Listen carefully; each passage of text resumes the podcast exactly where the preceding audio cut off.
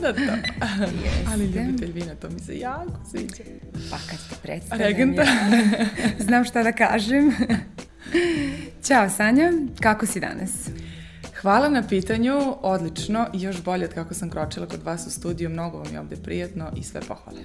E, hvala ti mnogo. Dobrodošla u podcast Kako si na poslu. E, prvo da te predstavim. E, ako treba u jednoj rečenici da te predstavim, ovako reći ću Sanja Malagurski je bivša odbojkašica reprezentativka, trenutno tim menadžer odbojkaškog kluba Crvena zvezda, preduzetnica i ljubitelj vina a moram da dodam još nekoliko rečenica. E, sa reprezentacijom je 2011. na Evropskom prvenstvu u Beogradu osvojila zlatnu medalju. Učestvovala je na olimpijskim igrama u Pekingu i živela i igrala u klubovima u Srbiji, Sloveniji, Rumuniji, Italiji, Brazilu, Poljskoj i Turskoj. Odbojkašku karijeru je završila 2018. godine, ali je i dalje u odbojci, samo sada, kako i sama kaže, pored terena, kao tim menadžer e, ženskog odbojkaškog kluba Crvena zvezda. osim toga, razvija i svoj modni brend.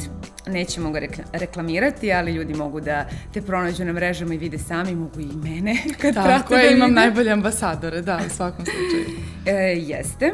E, I Ovaj, ti si danas e, naš gost zato što profesionalni sport jeste biznis. I to nije ni malo lak biznis. E, mnogi ljudi karijere grade u korporacijama i kompanijama, vi sportisti gradite u sportskim klubovima i to je potpuno različito s jedne strane, ali zapravo i vrlo slično.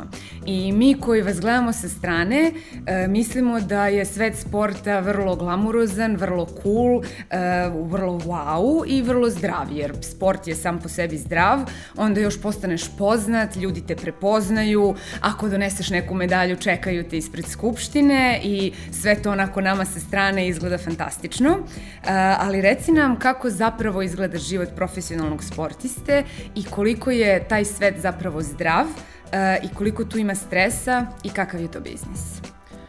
Uh, pa mislim da ste sve rekli onako u jednoj rečenici. Uh, Uh, šalim se, pa u svakom slučaju uh, mislim da mi sportisti uopšte nismo svesni da je to biznis sa jedne strane. Jer mi uđemo mnogo drugačije u celu priču, mi uđemo kao deca, kao neko ko mnogo voli da se bavi sportom, voli odbojku, voli trčanje, druženje. I onda to, mislim, hteli, ne hteli, ako nas zainteresuje, ako smo ja te talentovani, postane naš posao i naš poziv, naš primarni ovaj, primarna obaveza u životu i tako je to nekako pošlo i kod mene. Sa 16 godina sam uplovila u taj neki profesionalni svet eh, sporta za koji da li sam bila spremna ili nisam, nikome nije pitao. Samo su me pitali hoćeš ili nećeš, ja sam rekla hoću i to je bilo to. I ovaj, međutim sada kada prođu sve te godine, sva ta iskustva i sva ta dešavanja koja sam ja imala kroz uh, svoju sportsku karijeru, shvatim da je to definitivno biznis i posao kao i svaki drugi, samo što se razlikuje, ja ne sedim u kancelariji, nemam te neke ovaj, obaveze tog tipa i neko fiksno radno vreme, ali, ali imam obaveze koje mi ispunjavaju ceo dan. Um, ono što volimo da kažemo prosto je da sport definitivno ima dve strane medalje i da baš kao što ste rekli tu, tu najsjajniju stranu i tu stranu koja je okrenuta ka celom svetu uh, uvek ljudi vide i, i tu stoji prosto to uh, da budeš poznat, popularan, da uh, te ljudi prepoznaju na ulici, da osvajaš medalje, da nižeš pobede, da igraš za reprezentaciju, da predstavljaš svoju zemlju, da predstavljaš sebe, da gradiš jednu uspešnu karijeru i to sve jako lepo izgleda.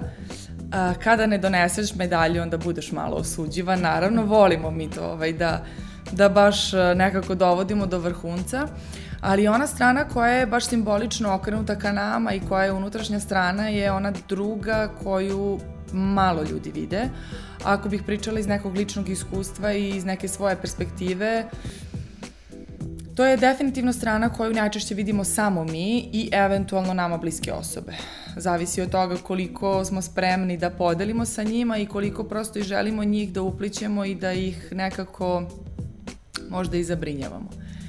Jer nije, nije ni malo naivno, sad naravno neću da pričam loše strani, neću da plašim uh, svet, ali prosto uh, tu stoji mnogo odricanja, mnogo suza, nažalost i povreda, bolova i tih nekih stvari koje ljudi ne vide da nas prate tokom dana, tokom uh, sezone, karijere ili nekog takmičenja nego jednostavno ono što mi volimo da podvučemo na kraju je kad se ta medalja stavi na grudi i kad ona uvek volimo da zasija najsjajnijim odličijem, da to bude predstavljeno samo svetu. Da, da, uvek je, uvek je tako kada su rezultati dobri, onda se samo priča o rezultatima, da. kao zaboravi se ovaj teški, teški deo pre toga. Da. Ali šta je ono što je najviše stresno u svetu sporta? I, i koliko je zdravo, mislim, koliko puta vi, na primjer, dnevno trenirate e, te, te povrede koje se dešavaju, šta je tu tačno sve stresno i koliko je sport zdrav? Pa, mislim, mi sad, mi profesionalni sportisti volimo da se nasmejemo na tu konstataciju da je sport zdrav. Jeste on zdrav stvarno, mislim, nema, nema tu šta, prosto kao dete se skloniš, e, žargonski rečeno, sa ulice, fokusiraš se na neko zdravije okruženje, e, fokusiraš se prosto na taj neki socijalni raz, razvoj, na naravno pravilno razviće tela i generalno mentalno i sve to ima svoje, svoje dobre strane. Uh, ali ovaj, kao što smo godinama i naučili da, da prosto stres uh, dođe kao neki propratni faktor i sad već kao tvoj najbolji prijatelj. I eto, ja opet kažem iz svog ličnog iskustva mogu da kažem, meni je dosta toga izazivalo stres u smislu bio pozitivan, bio negativan stres, to zavisi samo od tebe. Nama i pobeda može da bude stres, ta neka količina adrenalina koju mi ovaj, možemo da osetimo i da lučimo, nekada i nije u toj meri zdrava da nam oduzima san, da nam prosto ne možemo da smirimo telo. A sa druge strane postoje ta odricanja gde ti ne vodiš neki normalan život, gde ti Eh, ako imaš sreće, eh, održiš se porodično na okupu, imaš prijatelje iz detinstva, iz neke ranije mladosti, koji te uvek sačekaju kada dođeš eh, kući, koji nekako svoje slobodno vreme prilagode tebi zato što znaju da si ti tu možda na jedan dan ili dva ili tri. Nemaš letovanja, nemaš odmore, nemaš rođendane i tako neke praznike, mislim, ja stvarno jako puno godina nisam znala šta znači Božić i Nova godina. Ja jesam imala negde u podsvesti kada je to, ali nekako nemaš, nemaš pravo da ih proslaviš. Tako da to je, to je sve nešto što možda ostavi utisak i uticaj na, na tebe i na tvoje neko ovaj, normalno proživljavanje, ili da kažem i detinstva i mladosti, ali ja sam sa druge strane zaista ponosna na to što mogu da kažem da se ipak sećam onih najlepših trenutaka i da je to nešto što me, što me drži i što me vodi.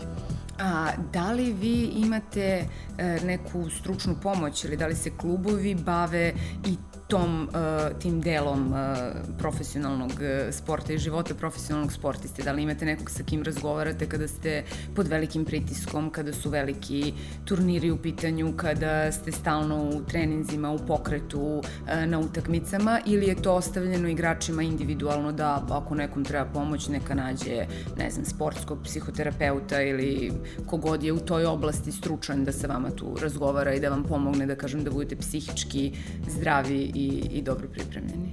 Pa ja sada sa ove tačke gledišta mogu da kažem da mi je žao što to nisam počela ranije da primenjujem zaista. Um, ta neka vrsta pomoći mislim da je dosta individualna od kluba do kluba u zavisnosti naravno od njihove organizacije i od njihovih nekih navika ja kroz svoje klubove nisam imala toliko, uh, toliko fokusa na, na tu neku mentalnu i, i ovaj psihičku pripremu, zbog čega opet kažem da mi je žao. Jer sada mogu da kažem da je to nešto što definitivno pomaže, uh, pospešuje nastup, uh, sigurno da može da produži karijeru, jer ako sportista prolazi kroz neki težak period, pogotovo kroz neke sportske povrede koje su malo teže, kao što sam prolazila ja, e, mislim da definitivno bih mnogo lakše mogla da, da to nekako i preživim i proživim i ostavim iza sebe bez nekih posledica i bez nekih trauma da sam imala neku stručnu pomoć. Uvek ti naravno imaš prijatelje, porodicu, roditelje, ali ja sam nekako roditeljima uvek prilazila s te tačke da sam ja psihoterapeut, da se mm. oni ne bi zabrinuli što je njihovo dete ovaj, povređeno i što ga nešto boli, što je ono loše, nego da ja tražim da oni meni pomognu. Tako da, ovaj, naravno, prijateljice su tu da, da te saslušaju, ali tek sada vidim koja je to moć uh, uh, psihoterapeuta i ta neka stručna stručna ovaj pomoć koju možeš uh, sebi da priuštiš i da dozvoliš kada ti jednostavno odeš uh, po neke odgovore koje ne da će da ti da taj stručnjak, nego će taj stručnjak tebe da navede prosto da ti sam dođeš do odgovora i da sam sklopiš ove, šta je to što tebe u stvari potrese. Tako da mislim da je to zaista tabu tema još uvek i kod naših sportista i kod normalnih ljudi u, u, u našoj državi, ali ja mogu zaista da kažem da je nešto što je meni mnogo pomoglo. Drago mi je, ovaj, vratit ćemo se još malo ovaj, na, na tu temu, ali hoću još samo da mi e, kažeš, pošto je tvoje e, iskustvo vrlo zanimljivo i živjela si u različitim e, državama i gradovima, koliko ti je bilo e, stresno ili teško ili ti je bilo uzbudljivo možda da se to, da se seliš i da ceo svoj život premeštaš iz jednog kontinenta na drugi, iz države u drugu? Pa, e, jako ovaj, simbolično imam baš jednu majicu na kojoj piše živim život u koferu i mislim da ja ni dan danas nisam uspela da se smirim, iako iako živim u Beogradu, ali meni su kola uvek puna i uvek sam spremna za pokret. A koliko je bilo stresno? Pa sigurno da jeste. Sigurno da jeste zato što od te 16. godine nomadski život i um, skoro svake godine promena države. Znači to nije samo da ja promenim recimo nekoliko ljudi u okruženju ili ekipu ili grad. To je prosto promena države, jezika, kulture, uh, pristupa i svega i ti uvek ideš na, na sreću, u smislu kako se snađeš u početku, naravno da se ne zakucaš za taj neki prvi utisak, jer ti ipak sa svim tim ljudima provodiš po devet meseci ovaj, u klubu, ali ti neki prvi utisci, taj neki prvi mir ili nemir koji osetiš, nastavljaju da te vode kroz, kroz sezonu. Jeste bilo stresno, ali ja definitivno mogu da kažem da sam po tom pitanju imala sreće i sa ljudima i sa okruženjem i nekako možda zato što sam dosta i samostalna postala vrlo brzo i vrlo rano, ovaj, možda sam i tu nekako našla svoj mir i gde god da sam otišla ja sam uspela da pronađem to neko zrno sreće, te neke kutke koji su, koji su mene ovaj, vraćali u balans bez obzira na to što sam bila bez svojih najdržih ljudi. E pa super, kad si to već spomenula, reci mi e, kako si se tačno ti sve, mislim, bilo i kad si putovala, bilo i kad si imala te ono, stresne periode pod pritiskom zbog različitih obaveza, turnira e, i svega što si radila, ovaj, kako si se ti borila sa, sa stresom i pritiskom, šta ti je pomagalo? Uh, pa uh, najviše mi je pomagalo, volela sam u svakoj državi, svakom mestu u kojem sam živela da nađem neki kutak, pošto jako volim kafu. Za mene je kafa nešto što je prosto ritual. Znači nije nešto što me razbuđuje, što moram da popijem da bi progovorila ujutro i tako mhm. dalje, nego je za mene dobra kafa baš onako ritual i, i užitak i onda sam volela uvek da nađem to neko mesto gde ću ja da odem, da se, da se možda i osamim ili ako imam dobro društvo, ovaj, i da, da je pijem u miru i volim, volim jako da pišem. Ne, ne mislim tu sad na poeziju, pesme i tako to, nego verovatno sve ono što nekada nisam uh, imala hrabrosti ili nešto ja videla možda priliku ili kako god to da nazovemo, da kažem drugima ili da kažem glasno.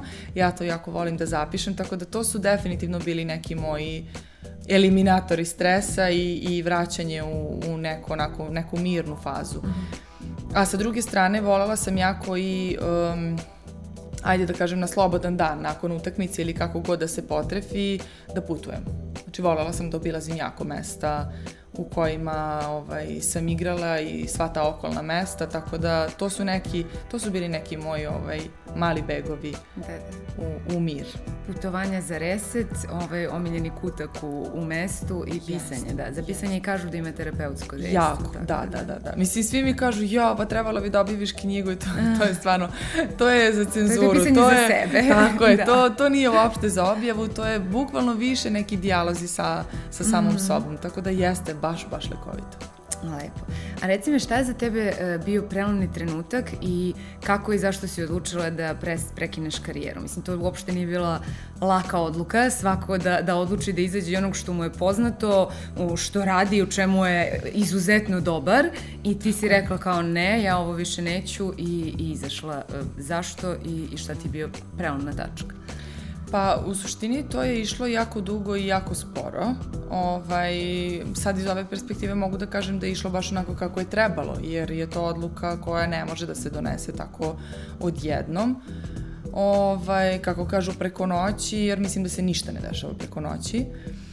Um, trajao je proces neke dve godine da ja zaista mogu da kažem ne jer ja sam 2018. prestala da se bavim odbojkom. 2018. je bila poslednja sezona kada sam igrala u Italiji. Međutim, ja sam se godinu dana nakon toga svesno i nesvesno vraćala uvek odbojci, vraćala sam se ovaj, u teren. Da li nekim, zbog komentara drugih ljudi, zbog saveta, zbog kao pa jo mlada si, pa zašto si prestala, pa ti možeš još da igraš. Ja sam ovaj, posle svake te rečenice Znam da to nije bilo zlonamerno ni od koga, ali posle svakih tih komentara i razgovora sa drugim ljudima, ja sam se vraćala u teren i vraćala sam se u teretanu, pa da, oni su u pravu, ja sam još mlada, možda sam pogrešila, možda sam prerano odustala od svega toga. Međutim, svaki put kada sam se ja vratila, pokušala da se vratim tome, mene je telo samo podsjetilo zašto sam ja odlučila. To je bila neka odluka koja je, ajde da kažem, ovaj, bila sled svih događaja dve, tri godine pre toga, e, zbog nekih opet vraćamo se na temu stresa i na, na temu toga da, da su mi se desile i neke povrede i neke ovaj, porodični neki problemi i neke situacije sa kojima sam se borila sama sa sobom i najbolje što sam znala. Međutim, kada ste vi dosta mentalno opterećeni i kada ne znate to da izbacite napolje i kada sve i svašta preuzimate na svoje pleća, uh, možete da gurate do momenta dok vam telo trpi. Sportisti, telo kada počne da trpi, to je gotovo. Mislim, tu, tu nema šta više da se, da se ovaj priča i ja sam zaista odlučila u momentu kada sam stvarno osetila veliku opasnost za sebe, za svoje telo, za svoje zdravlje, mentalno stanje, celokupnu mene kao, kao biće, onda sam stvarno rekla da, da to više nema smisla. Da, nekoliko puta si, si spomenula to da ti je telo reklo ne i da si se ti vratila u teretanu, ali telo je Tako ipak je. reklo ne. Šta, šta se tačno Pa desi? tačno desi se to da se ukočim, da me leđa zabole, da se ukočim, da me zaboli koleno koje sam operisala, da me zaboli rame, da me zaboli vrat, da počnem da gubim na kilaži. Um, ako pričamo mi žene, uh, meni je karakteristika stresa i nekog, neke blokade u telu bio i gubitak ciklusa, tačnije izostanak ciklusa, tako da to su sve bili neki pokazatelji i faktori gde ja stvarno nisam mogla. Mislim, ti kao sportista očekuje se od tebe, pogotovo ako si stranac, od tebe se očekuje da kada odeš u taj klub da ti moraš da udrž tu loptu 100%, ne pitate niko da li si dobro ili nisi. Bavi se ti sa sobom, nađi osobu koja će ti pomogne da se bavi sa tobom, ali ovaj, nema tu toliko vremena da ti zastajkuješ i da se pitaš i da, da se oporavljaš, to sve mora u hodu. Tako da ovaj, kada nisi 100% i kada ja osetim prosto da ja skočim, ali da mene ruka ne sluša, da mene noge ne slušaju, onda stvarno je definitivno vreme da ja sednem i da saslušam sama sebe. Tako da to su bili baš ozbiljni pokazatelji. A, a često ne slušamo sebe i često se to oguramo i, i tako je ovaj malo, i kao ćuti još samo malo, još samo malo izdrži, međutim onda stvarno dođemo Jeste, u fazu. mogu ja to, samo još ovo, samo još ovo i onda dođemo do, do faze pucanja. A, a reci mi sad taj period kada, kada si prestala da, da, da se baviš, kad si izašla iz sporta, pretpostavljam da je to bio vrlo težak period jer si ti, mislim, prekinula svoju karijeru i ono što si do sada radila više ne radiš i verujem da je to ono isto bila o velika, velika promena za tebe. E, šta si u tom periodu radila da ti bude bolje? Na koji način si se ti odmarala od celog tog stresa, pritiska da vratiš i sebe i svoje telo u balans? Pa da, e, baš kao što si rekla, to je definitivno bila jedna od najtežih e, faza u mom životu. Jer tada kada sam odlučila da se više ne vraćam u odbojci, ja sam jedan svoj identitet i sebe znači svojih 28 godina života spakovala u jednu kutiju i odložila. I onda kada se to desilo, ja sam se svako jutro budila sa pitanjem ko sam ja, šta sam ja i bilo mi je jako teško. Jer ti navikneš da živiš pod nekom lupom. Ok, mi sportisti imamo možda i neku drugačiji identitet i drugačije smo pojave u javnosti od recimo bilo koga drugog, da li pevača, glumaca, svako ima neku svoju vrstu identiteta, ali ovaj, definitivno nešto tu postoji zajedničko, to je prosto da te i ljudi poznaju i da, da znaju čime se baviš i ti imaš ceo dan organizovan, međutim onda kada ja više ne treniram, onda se pitam šta sam, ko sam, zašto ustajem danas. Um, dok treniramo nemamo vremena da mislimo na neke druge stvari koje nas zanimaju, koje nas ispunjavaju. Tako da je moja, uh, moja uloga, ja sam bila jako stroga prema sebi, toga mi je jedino jako žao što nisam dala sebi možda vremena stvarno da se odmorim i da kažem Sanja ti sada ništa ne moraš, u redu je. Jer sam ja još uvek sebe jako ganjala i neki taj vojnički režim sam forsirala. I ovaj, uh, devet meseci sam imala uh, prosto neku obavezu odlaska kod psihoterapeuta i plakanje, za šta nisam imala vremena. Ovaj, to mogu slobodno da kažem da mi je to bilo neko, neka vrsta oslobađanja i neka vrsta ovaj, malo čišćenja i svega.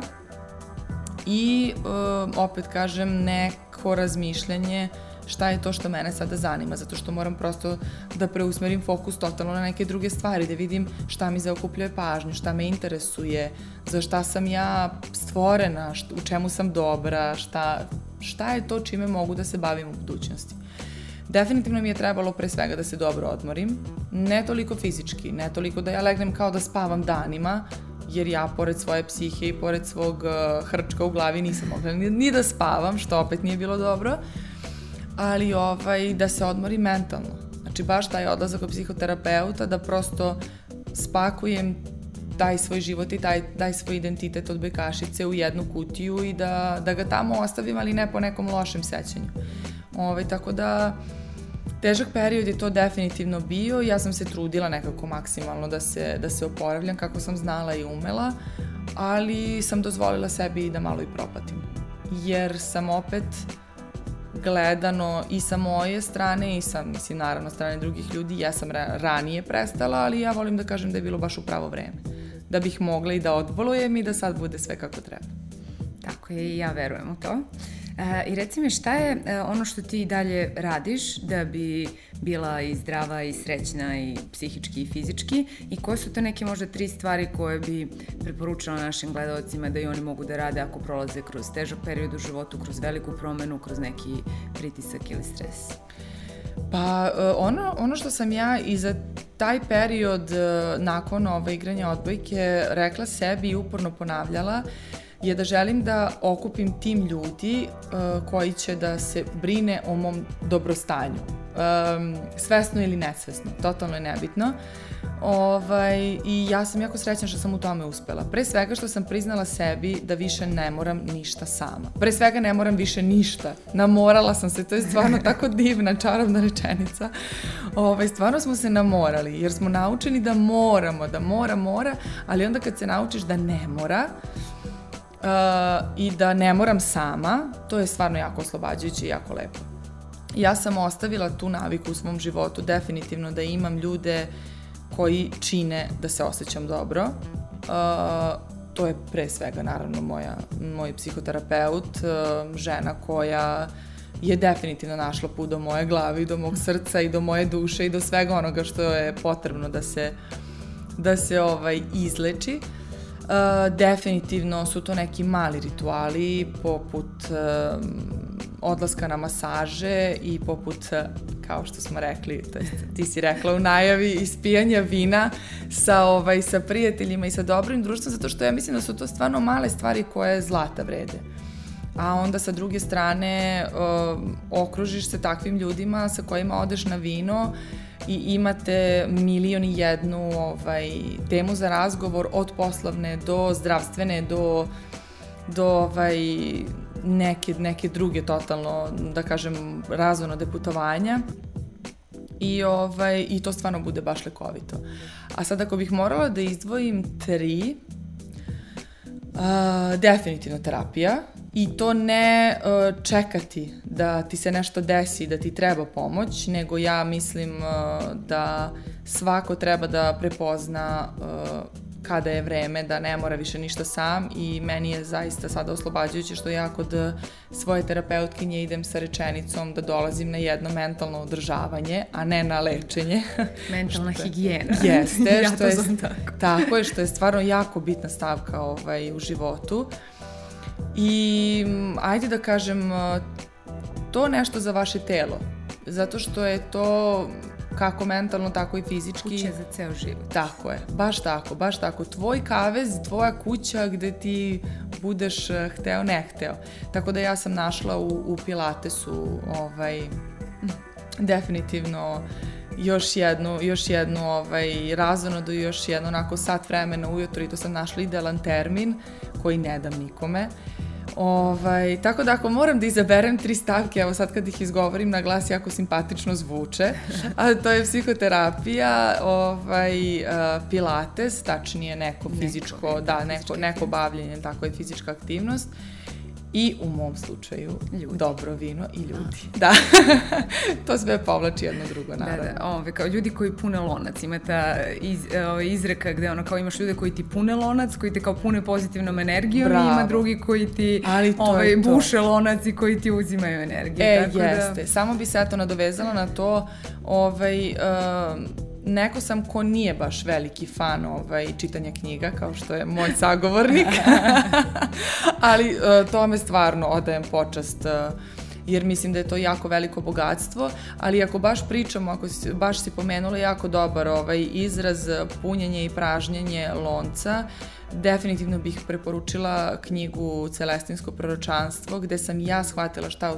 šta u stvari znači ta razmena energije i šta u stvari znači to ovaj, uh, uh, biti sa ljudima i biti sam i šta znači kada dođeš kući u nekoj poletnoj energiji posle nekoga i kada dođeš kući prosto ispijen i da ti nije do života. Da. Tako da razmislite. Okruženje nam je jako da. važno. Da. E pa hvala ti Sanja, mislim da je, da je ovaj razgovor bio vrlo zanimljiv i da će biti koristan našim gledocima. Hvala Avi puno na pozivu i na zaista predivnom časkanju. Ja se nadam da hoće. Divno, hvala ti. A mi se vidimo sledeće nedelje. Možete da nas gledate na business.telegraf.rs.